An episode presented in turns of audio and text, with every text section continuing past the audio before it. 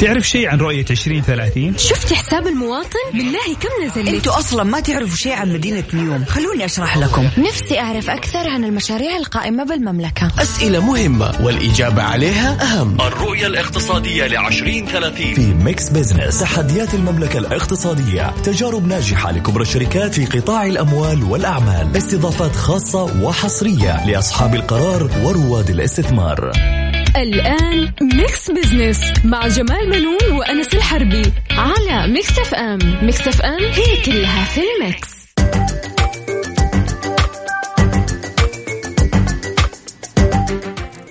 أهلا ومرحبا بكم مستمعينا. أنا جمال بنون أحييكم من Mix FM وبرنامج Mix Business. تشاركني طبعا في التقديم اليوم الزميله غدير الشهري. مرحبا غدير. أهلا وسهلا أستاذ جمال.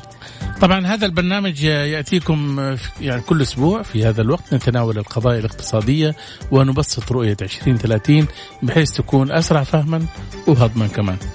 أهلا فيك أستاذ جمال واهلا بمستمعينا في حلقة جديدة من برنامج Mix Business. وأنا سعيد ان أنا اليوم معاكم في هذه الحلقة. طبعا أستاذ جمال زي ما إحنا متعودين طبعا في حلقات Mix Business إنه راح نبتدي بالقليل من المعلومات للمستمعين. نعم. طب طبعا أنت عارفه آه، غدير من المؤشرات الإيجابية آه، لمتانة الاقتصاد السعودي وقدرته على تجاوز التحديات والصعوبات وأحيانا المنظمات الاقتصادية العالمية بتصدر أرقام وتنبؤات لبعض الدول وفي كثير من المرات تكون طبعا يعني بتكون قراءتها خاطئة. وبلد مثل السعودية تمتلك خبرات ومهارة في إدارة الأزمات طبعا. نعم. أكيد. ومن أخبارنا اليوم وزير المالية ووزير الاقتصاد والتخطيط المكلف محمد الجدعان توقع أن تشهد المملكة انكماش اقتصادي خلال 2020 أقل من توقعات صندوق النقد الدولي الدولي عفوا. وكان صندوق النقد الدولي توقع انكماش الاقتصاد السعودي بنسبة تصل إلى 6.8% العام الحالي. صحيح. هي عادة يعني صندوق النقد الدولي بتعمل تنبؤات. إنه آه، الدول يعني حسب اقتصادياتها وحسب قدرتها في التعامل مع الأزمات فبتتوقع هي توقعت طبعا يعني 6.8% العام الحالي بالنسبة للاقتصاد السعودي. ولكن الوزير طبعا آه، رد يعني وبثقة قال لا يعني مو صحيح تنبؤات آه، صندوق النقد. إحنا حنتعافى بأقل.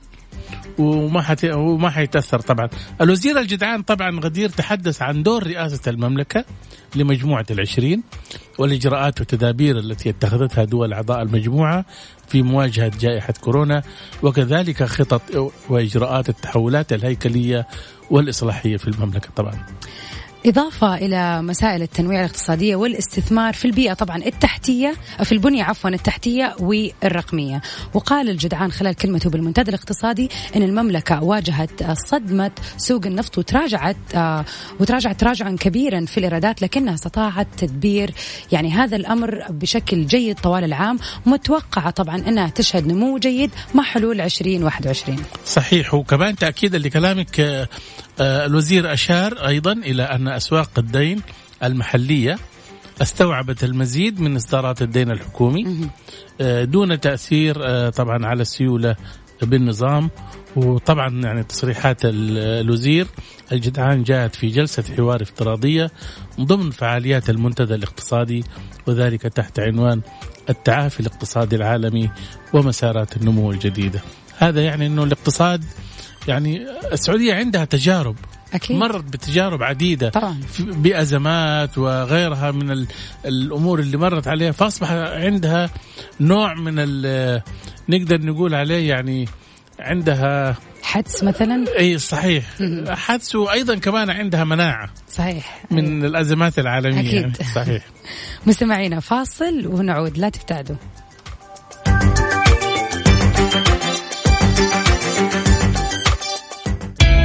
Business مع جمال بنون وأنس الحربي على Mix FM Mix FM it's all in the mix.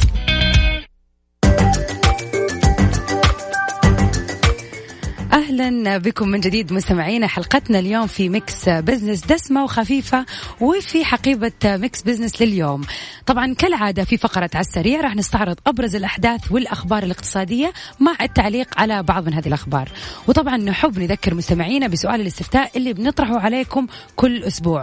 ونأمل منكم أنكم تتفاعلوا وتشاركوا فيه على حسابنا في تويتر @Mix FM Radio هل تعتمد على مصدر دخل آخر غير وظيفتك سواء كان سواء كنت موظف حكومي أو خاص. لا أو نعم أو لم أفكر في الموضوع. صدقي غدير يعني الناس عندنا هنا اليوم أنا قاعد أتابع المشاركات. شايف إنه 70% تقريبا ما يش يعني ما يفكر في ما عنده مصدر دخل ثاني صح فعلا. بينما هي جزء يعني يعني ثقافة مهمة إنه الواحد يكون عنده أنا أفتكر من زمان يعني آه، الآباء والأجداد هذول يكون يكون موظف في أي مكان ولكن العصر يسوق سيارة أجرة أيوة. ويدخل منها مثلاً. دخل يعني. مثلا فاهمه الآن طبعا في أوبر وكريم وغيرها من يعني التطبيقات طبعاً. اللي هذه ولكن أنا أقصد في وظائف كثيرة الآن ممكن الواحد يدخل فيها طبعا يطلع له مصاريف زي ما يقولوا حق البنزين حق ال أكيد. آه، تشيل عن الواحد شيء. صحيح صحيح. بالذات يعني الآن الوضع غير فمصدر دخل آخر حيكون شيء مفيد. بالفعل بالفعل. نشوف إحنا إلى آخر الحلقة على آخر الحلقة حتبان معنا النسبة الصح. صحيح. في كمان لا تنسي غدير حيكون اليوم يعني ضيفنا في فقرة أهل الثقة الأستاذ عبد الرحمن الحسين طبعا المتحدث الرسمي لوزارة التجارة. وبنتكلم عن آه، التستر التجاري وأثره على الاقتصاد السعودي والجهود المبذولة لمكافحته وأنت تعرف طبعا التستر التجاري رايح كده زي الغول. صحيح فعلا. خوف الاقتصاد السعودي أكيد. الحقيقة. فأكيد الأستاذ عبد الرحمن الحسين حيتكلم عن النظام الجديد لمكافحة التستر. أكيد. نعم. مستمعينا فاصل قصير وراح نرجع ونستكمل معاكم برنامج Mix Business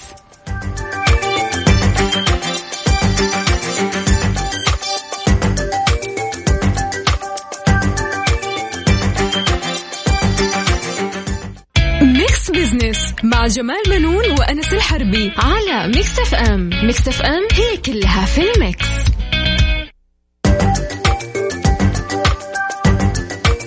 أهلا بكم مستمعينا من جديد. أهلا بكم مستمعينا من جديد. طبعا مستمرين معكم في Mix Business مع زميلة غدير الشهري طبعا. آه غدير طبعا قبل أسابيع آه أطلقت وزارة التجارة النظام الجديد لمكافحة التستر التجاري وتضمن النظام طبعا عقوبات وإجراءات مشددة للحد من انتشار مثل هذه الأنشطة الغير مشروعة طبعا. اليوم طبعا إحنا حنتعرف على هذه الإجراءات وأثر التستر التجاري على الاقتصاد السعودي. طبعا للحديث أكثر حول هذا الموضوع يسرنا أن يكون معنا عبر الهاتف من الرياض الأستاذ عبد الرحمن الحسين المتحدث الرسمي لوزارة التجارة. أهلا وسهلا أستاذ عبد الرحمن. أهلا وسهلا فيك أخوي جمال واهلا أيضا بغدير الله يحييكم ويحيي مستمعيكم الكرام. أهلا وسهلا أهلا وسهلا أستاذ فيك يعني حابب أعرف يعني أهم ملامح النظام الجديد لمكافحة التستر يعني آه، التجاري آه طبعا صدور آه موافقة المقام السامي الكريم وموافقة مجلس الوزراء على آه نظام مكافحة التستر التجاري الجديد تشكل مرحلة ونقلة نوعية جديدة في مكافحة التستر التجاري لا سيما وأن هذا النظام يتزامن مع صدور التوجيه السامي بلجنة وزارية إشرافية على البرنامج الوطني لمكافحة التستر لضمان أنجح الحلول لمواجهة ومكافحة هذه الظاهرة الاقتصادية الخطيرة. نظام مكافحه التستر الجديد. يب يعني أبرز ما جاء به هذا النظام. نتحدث عن تغليظ العقوبات على المتستر والمتستر عليه أيضا حتى تصل إلى خمس سنوات بدلا من سنتين. وأيضا العقوبات تصل إلى الغرامة إلى خمسة ملايين بدلا من مليون. أيضا من أبرز ما جاء في أحكام هذا النظام تمكين الجهات الحكومية كلها ذات العلاقة بضبط جرائم ومخالفات التستر التجاري بدلا من السابق كانت فقط وزارة التجارة هي التي تضبط.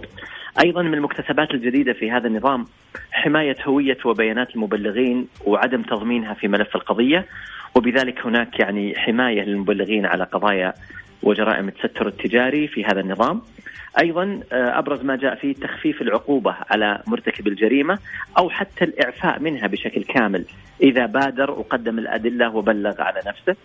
آه، أيضا من ضمن ما جاء في هذا النظام الجديد الاستعانة بالتقنيات والأدلة الإلكترونية آه، المكافأة المقدمة للمبلغ وهي زادت ولا نقصت؟ 30% من من من قيمة الغرامة المحصلة. المكافأة زادت ولا نقصت؟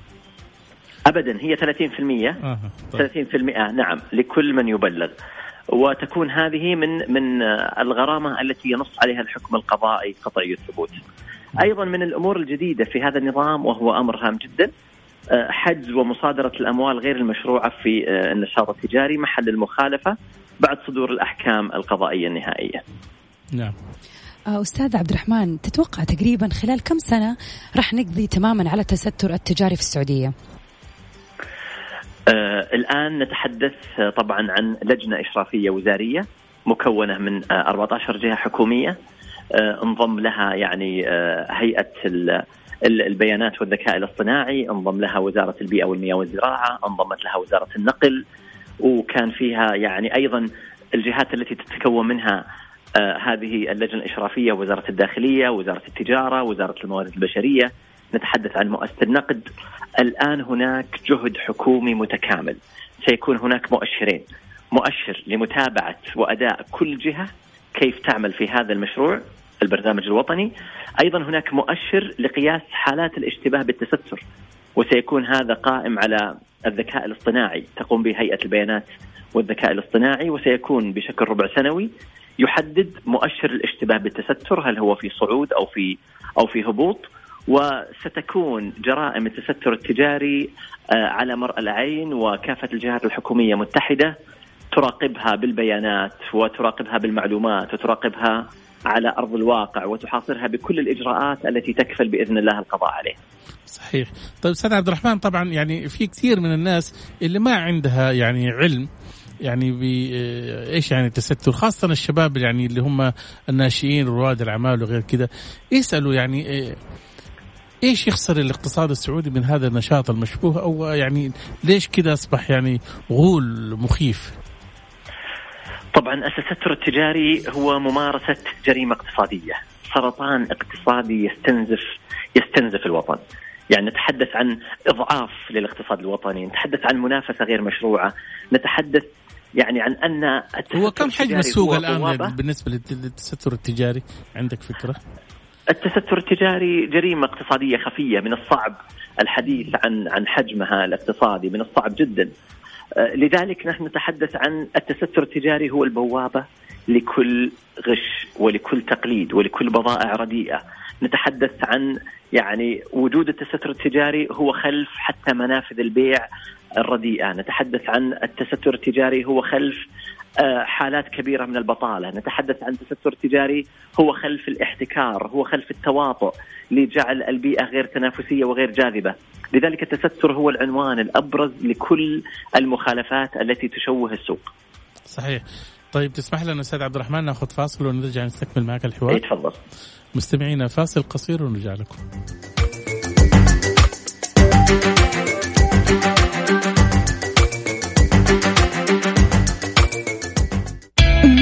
Business مع جمال بنون وأنس الحربي على Mix FM Mix FM it's all in the mix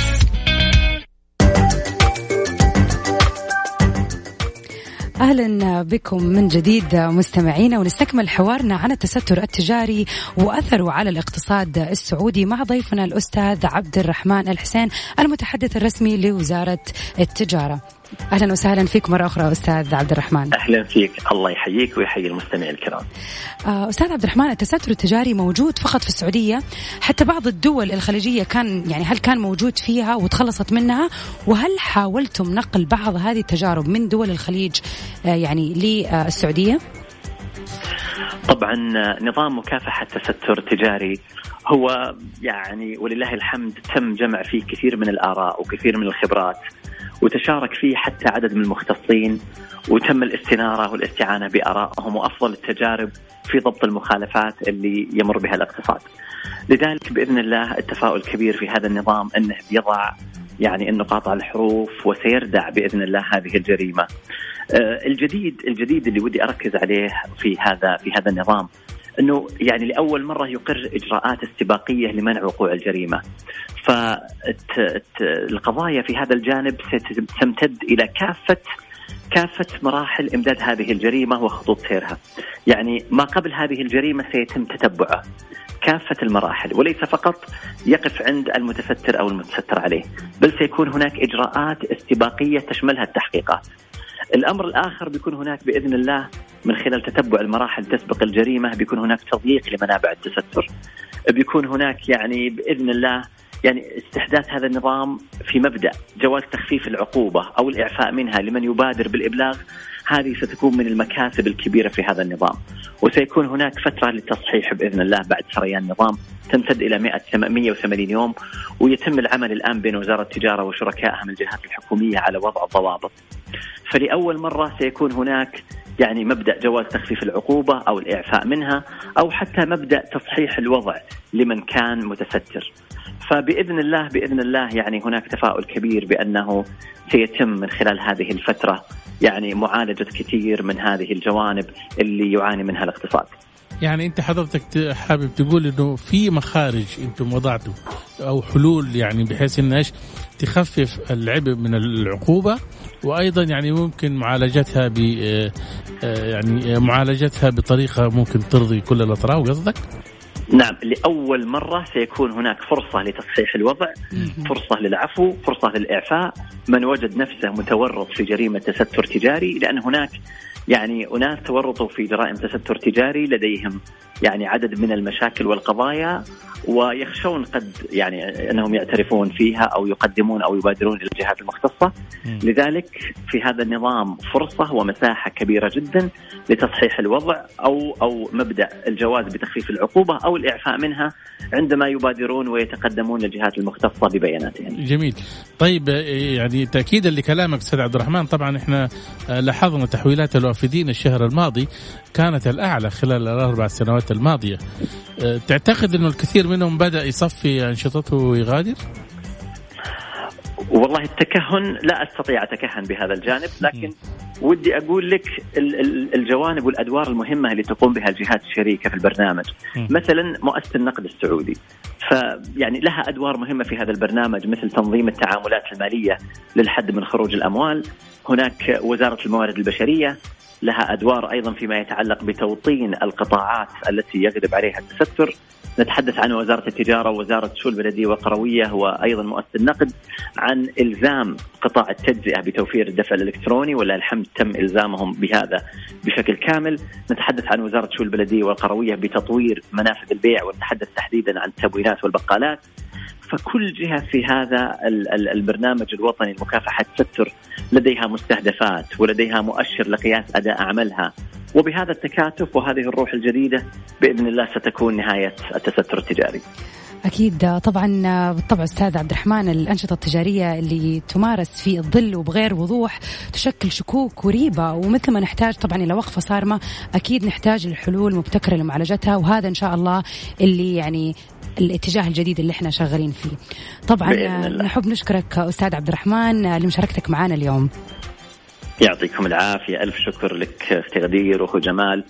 دائما تتحدثون عن ما يهم المستهلك وما يهم الاقتصاد الوطني. لكم جزيل الشكر. الله يعافيكم. شكرا جزيلا. شكرا لك أستاذ عبد الرحمن. طبعا مستمعينا كان معنا الأستاذ عبد الرحمن الحسين المتحدث الرسمي لوزارة التجارة. حدثنا عن التستر التجاري وأثره على الاقتصاد السعودي والجهود المبذولة لمكافحته. غدير ناخذ فاصل ونرجع.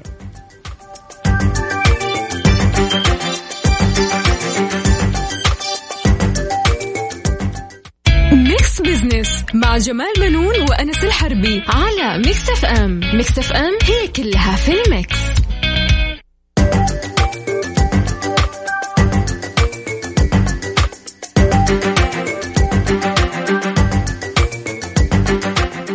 مستمعينا الكرام أهلا ومرحبا بكم من جديد.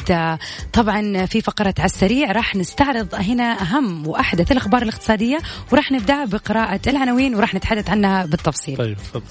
التجارة تشهر بمواطن ومواطنة تسترا على مقيم. هذا الكلام الآن كان الأستاذ عبد الرحمن الحسين كان بيتكلم صحيح. عن التستر التجاري وهذا خبر يعني آه، اخذناه يعني اليوم إنه وزارة التجارة طبعا شهرت بمواطن ومواطنة. يعني رجل وامرأة آه، آه، الأخ الوافد والمقيم كان استغل اسمهم.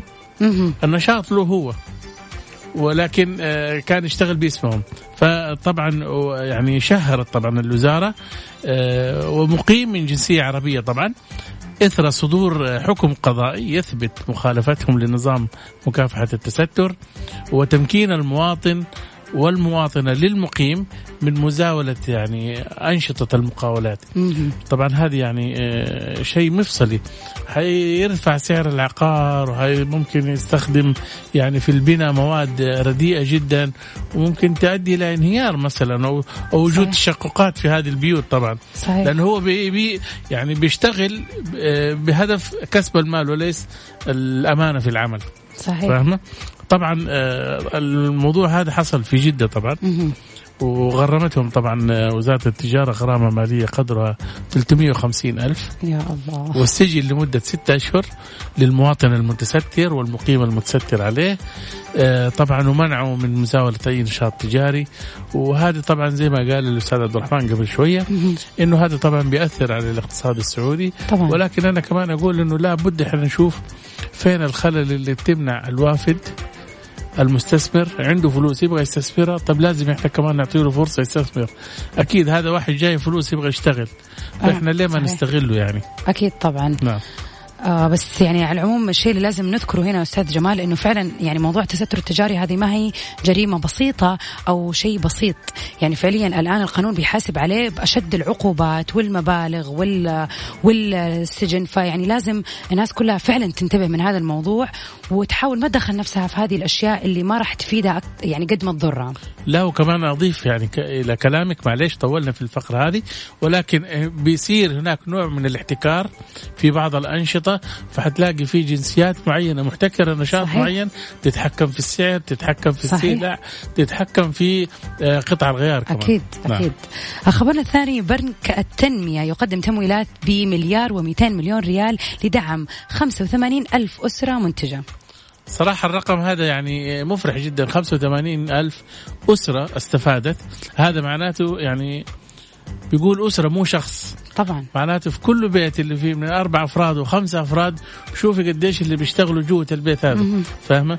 أي نشاط سواء بيعملوا كيكات أو بيعملوا مثلا آه، حرف يدوية أو غيرها طبعا آه، أسهمت هذه البرامج آه، التنمية الاجتماعية في دعم وتمويل 85 ألف أسرة منتجة والمبلغ هذا كبير يعني شوفي مليار و200 مليون.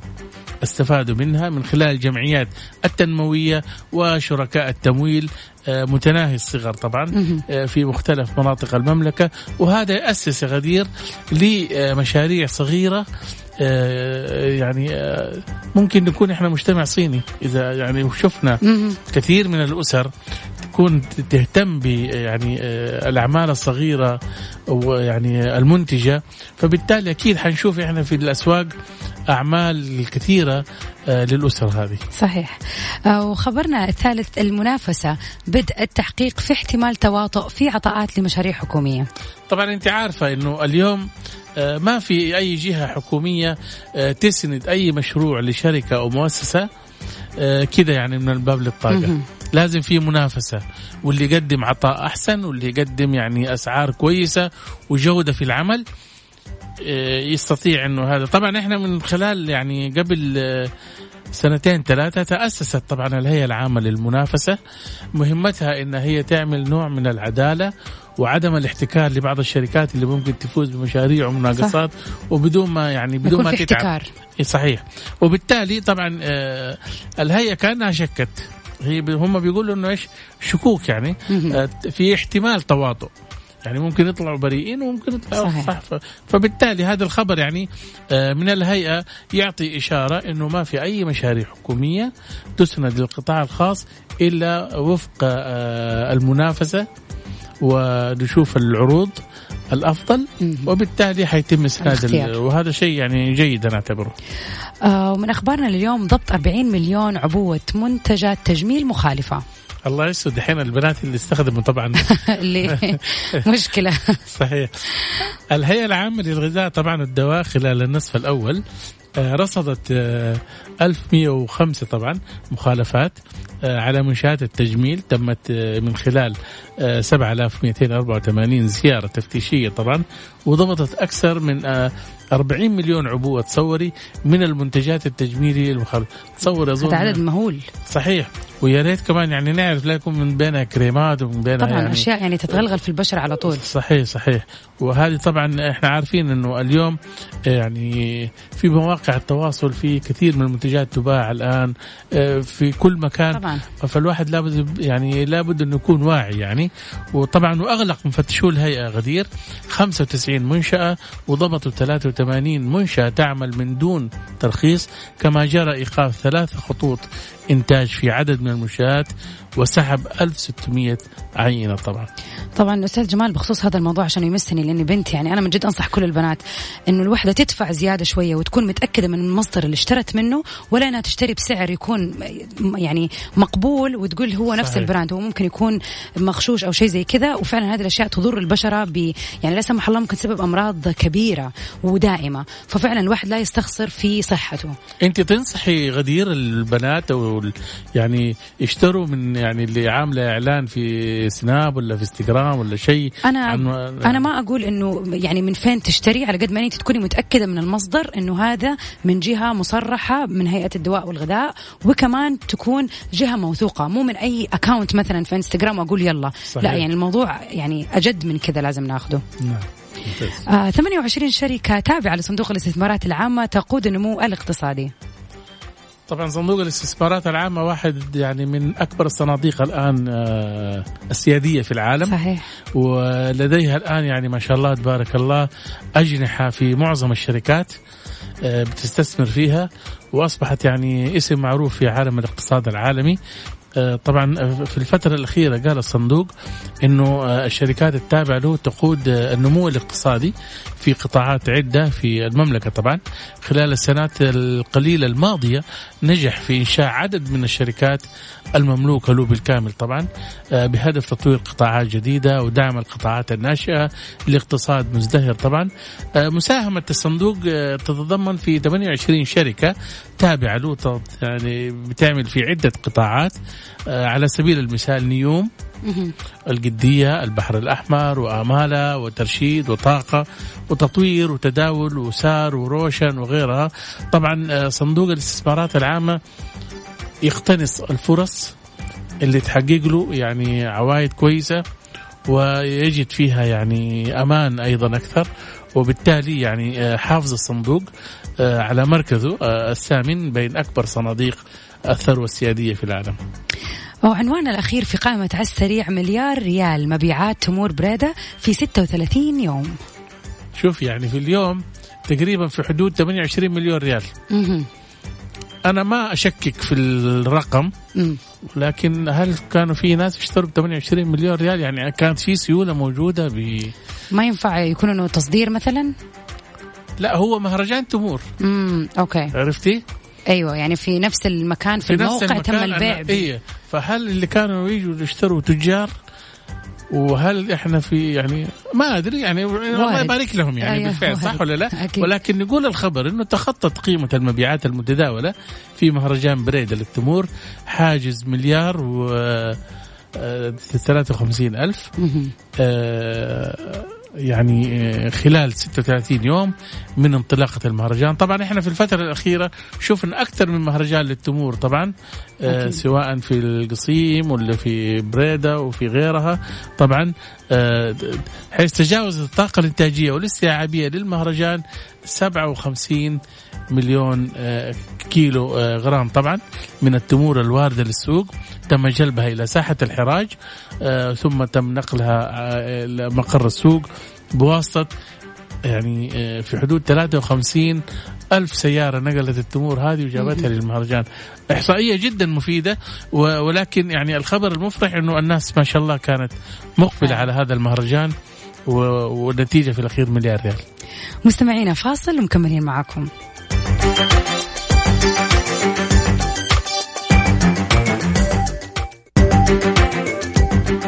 نسبة وحسبة في Mix Business على Mix FM it's all in the mix.